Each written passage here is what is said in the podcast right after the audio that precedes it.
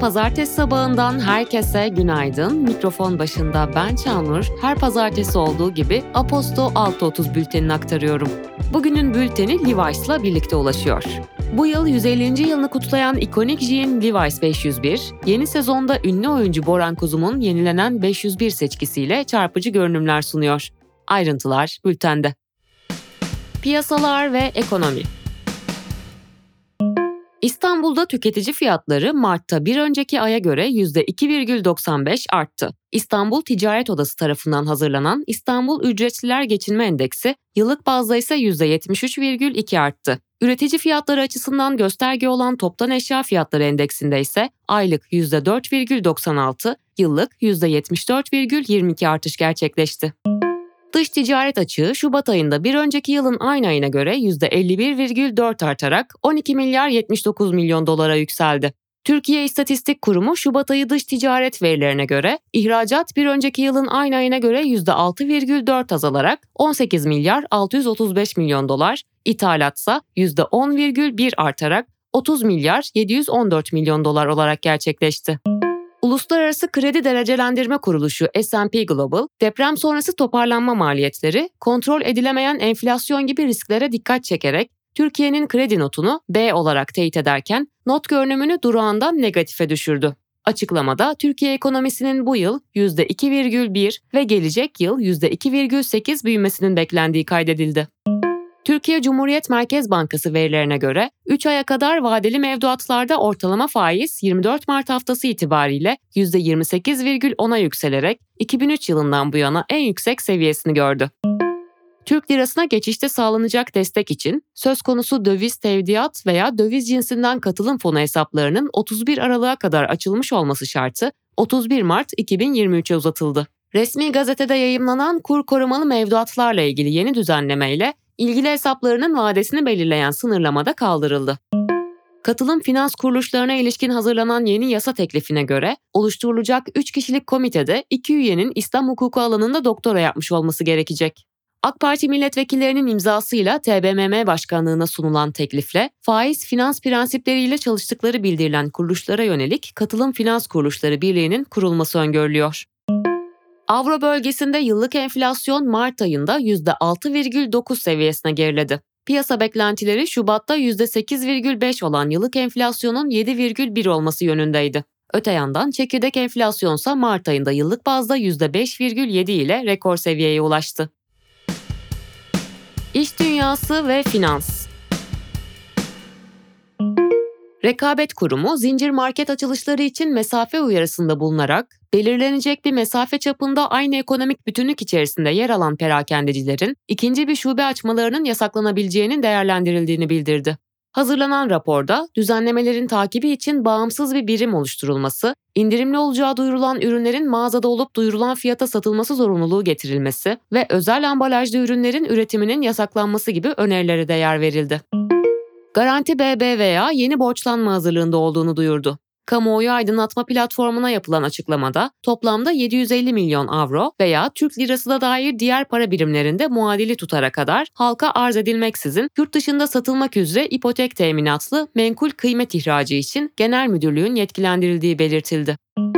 CVK Madencilik halka arzında 6-7 Nisan tarihlerinde talep toplama gerçekleşecek. Şirketin mevcut 35 milyon lira olan sermayesinin 42 milyon liraya bedelli artırımı sırasında oluşan 7 milyon lira payla mevcut ortaklardan Begüm Çevi'ye ait 1,4 milyon lira nominal değerli B grubu pay olmak üzere toplam 8,4 milyon lira pay halka arz edilecek. Credit Suisse'i devralması sonucu büyüyen UBS'te çoğu çalışanın işinin çakışması nedeniyle iş gücünün %20-30 düzeyinde azaltılması bekleniyor. Birleşme sonrası UBS'in değeri 1,6 trilyon dolar ve çalışan sayısı 120 bin olmuştu. Bloomberg'in haberine göre işten çıkarmalarla 10 bini İsviçre'de olmak üzere dünyada toplam 36 bin çalışanın işsiz kalacağı öngörülüyor.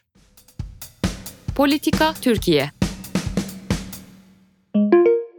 Yüksek Seçim Kurulu, Cumhurbaşkanlığı seçimlerinde adayların oy pusulasındaki yerlerini kurayla belirledi. Buna göre ilk sırada Cumhur İttifakı'nın adayı Recep Tayyip Erdoğan, ikinci sırada Memleket Partisi lideri Muharrem İnce, üçüncü sırada Millet İttifakı'nın adayı Kemal Kılıçdaroğlu, son sırada Ata İttifakı'nın adayı Sinan Oğan yer alacak. Millet İttifakı'nın Cumhurbaşkanı adayı Kemal Kılıçdaroğlu görevdeki askerlere Afgan kaçakların ülkemize aktığının haberleri geliyor. Mehmetçiğimize sesleniyorum. Vatan hepimizin vatanı, hudutta hepimizin namusu. Sınırda görevinizi yapın, kimseyi dinlemeyin ifadeleriyle seslendi. Kılıçdaroğlu 11. Cumhurbaşkanı Abdullah Gül ile görüştü. Yaklaşık bir saat süren görüşmenin ardından Gül'ün ofisinden yapılan açıklamada 11. Cumhurbaşkanı Abdullah Gül, Kılıçdaroğlu ile görüşmüş ve kendisine başarılar dilemiştir denildi. Cumhurbaşkanı Erdoğan, Cumhurbaşkanlığı adaylığına yapılan itirazlara ilişkin Erdoğan aday olamaz dediler. Ne oldu? Yüksek Seçim Kurulu suratlarına vurdu mu? Şimdi de Anayasa Mahkemesi'ne gidiyoruz diyorlar. Yolunuz açık olsun ifadelerini kullandı. Bir günden Onur Durmuş'un haberine göre Kızılay, Ordu'nun Fatsa ilçesinde Kahramanmaraş merkezi depremlerden etkilenen depremzedeler için toparlanan ihtiyaç malzemelerinin bulunduğu yardım kolilerini İsmail Ağa Cemiyeti'ne bağlı olan Yavuz Sultan Selim Vakfı'na ait yurtta bekletti. Haberde yurdun kaçak olduğu, vakfın da 10 ila 16 yaş arası sarık ve cübbe giydirilmiş çocuklara dini eğitim verdiği ifade ediliyor. Politika, Dünya Suriye Savunma Bakanlığı, Humus şehri ve kırsalındaki bazı noktaların İsrail tarafından düzenlenen hava saldırılarında hedef alındığını, saldırılarda 5 askerin yaralandığını ve maddi hasar meydana geldiğini açıkladı. İsrail makamlarındansa konuya ilişkin açıklama yapılmadı. Irak Kürt Bölgesel Yönetimi, Türkiye'ye petrol ihracatını yeniden başlatma konusunda federal hükümetle anlaşmaya vardı. Anlaşmaya göre Irak Kürt Bölgesel Yönetimi, Irak parlamentosunda petrol ve gazla alakalı kanun onaylanana kadar Türkiye'ye günlük 400 bin varil petrol ihraç edebilecek.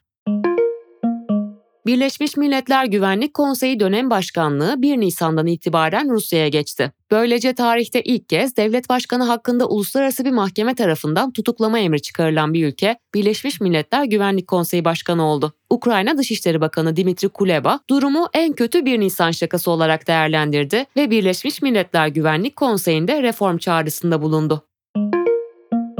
NATO Genel Sekreteri Jens Stoltenberg, Finlandiya'nın asgari ittifaka katılımının önündeki son engeli kaldırdığı için Türkiye'ye teşekkür ederek önümüzdeki günlerde NATO karargahında Finlandiya bayrağını dalgalandırmayı dört gözle bekliyorum. Birlikte daha güçlü ve daha güvendeyiz açıklamasında bulundu. Portekiz'de binlerce insan kiralardaki ve ev fiyatlarındaki artışı protesto etmek için sokaklara çıktı. Turizm şehri olarak bilinen başkent Lizbon'da kiraların bir önceki yıla göre %37 yükseldiği açıklanmıştı. Papa Francis, solunum yolu enfeksiyonu nedeniyle kaldırıldığı hastanede gördüğü tedavinin ardından cumartesi günü taburcu oldu. Papa hastaneden ayrıldığı sırada kendisine nasılsınız diye soran gazetecilere hala hayattayım cevabını verdi. Teknoloji ve girişim Bilgi Teknolojileri ve İletişim Kurumu, Türkiye'de günlük 1 milyondan fazla erişime ulaşan yurt dışı kaynaklı sosyal medya şirketlerinin ülke içinde yetkili en az bir kişiyi temsilci olarak belirlemesini zorunlu hale getirdi. Resmi gazetede yayımlanan karara göre temsilci belirlemeyen şirketlere idari para cezası kesilecek. İtalya Ulusal Kişisel Veri Koruma Kurumu, OpenAI'ın yapay zeka sohbet robotu ChatGPT'ye gizlilik ihlali yaptığı gerekçesiyle erişim engeli getirdi. Derhal yürürlüğe girmesi beklenen yasaklama kararı gereğince İtalya'daki kullanıcıların verilerinin OpenAI tarafından işlenmesinin geçici olarak sınırlandırılacağı belirtildi. Elon Musk tarafına açılan 258 milyar dolarlık Dogecoin dolandırıcılık davasının reddedilmesini talep etti. Elon Musk'ın avukatları davadaki iddiaların hayal ürünü ve kurgudan ibaret olduğunu, yaklaşık 10 milyar dolarlık piyasa değerine sahip olan meşru bir kripto para birimini övmenin yasa dışı tarafı olamayacağını söyledi.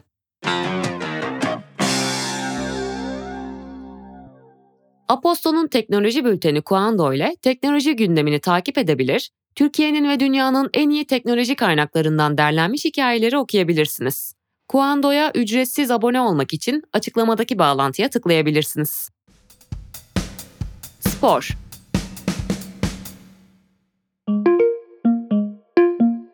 Formula 1 Avustralya Grand Prix'sinde Max Verstappen birinci, Lewis Hamilton ikinci, Fernando Alonso üçüncü oldu. GP sonucuyla Verstappen 69 puanla birinciliğini korumaya devam ederken 54 puanla Perez ve 45 puanla Alonso Verstappen'ı takip ediyor.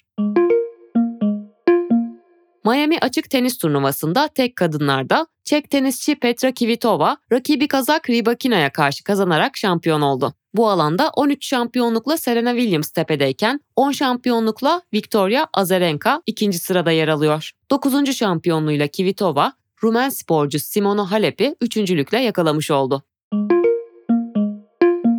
Milli eskrimci Nisanur Erbil, Bulgaristan'da düzenlenen Gençler ve Yıldızlar Dünya Şampiyonası'nda genç kadınlar kılıç kategorisinde bronz madalya aldı.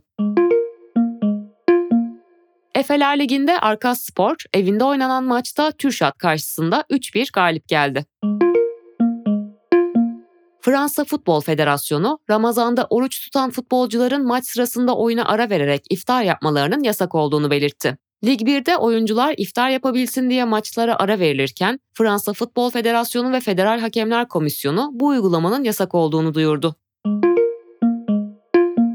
Sevgili dinleyenler, bugün iki günün hikayesi bölümü sizlere ulaşıyor. Onlardan ilki Trump hakkında soruşturma. Sevgili Ece Filizel sizler için kaleme aldı. Eski ABD Başkanı Donald Trump hakkında 30 Mart Perşembe günü soruşturma açıldı. Daha önce eski ya da güncel bir başkan hakkında soruşturma açılmamış olması Trump'ın bu konuda bir ilke imza atmasına neden oldu. 4 Nisan Salı günü gönüllü bir şekilde teslim olması beklenen Trump, hakim karşısına çıkacak. Haberin detayları bültende. İkinci günün hikayesi bölümü İyi Parti'ye saldırı şüpheli serbest kaldı. Sevgili İlkim Emirler sizler için kaleme aldı. İyi Parti'nin Merter'de bulunan İstanbul İl Başkanlığı binasının penceresine cuma günü sabah saatlerinde kurşun isabet etti. Binada inceleme gerçekleştiren polis olaya ilişkin soruşturma başlattı. Peki olayın detayları neler? Yazının devamı bültende sizleri bekliyor.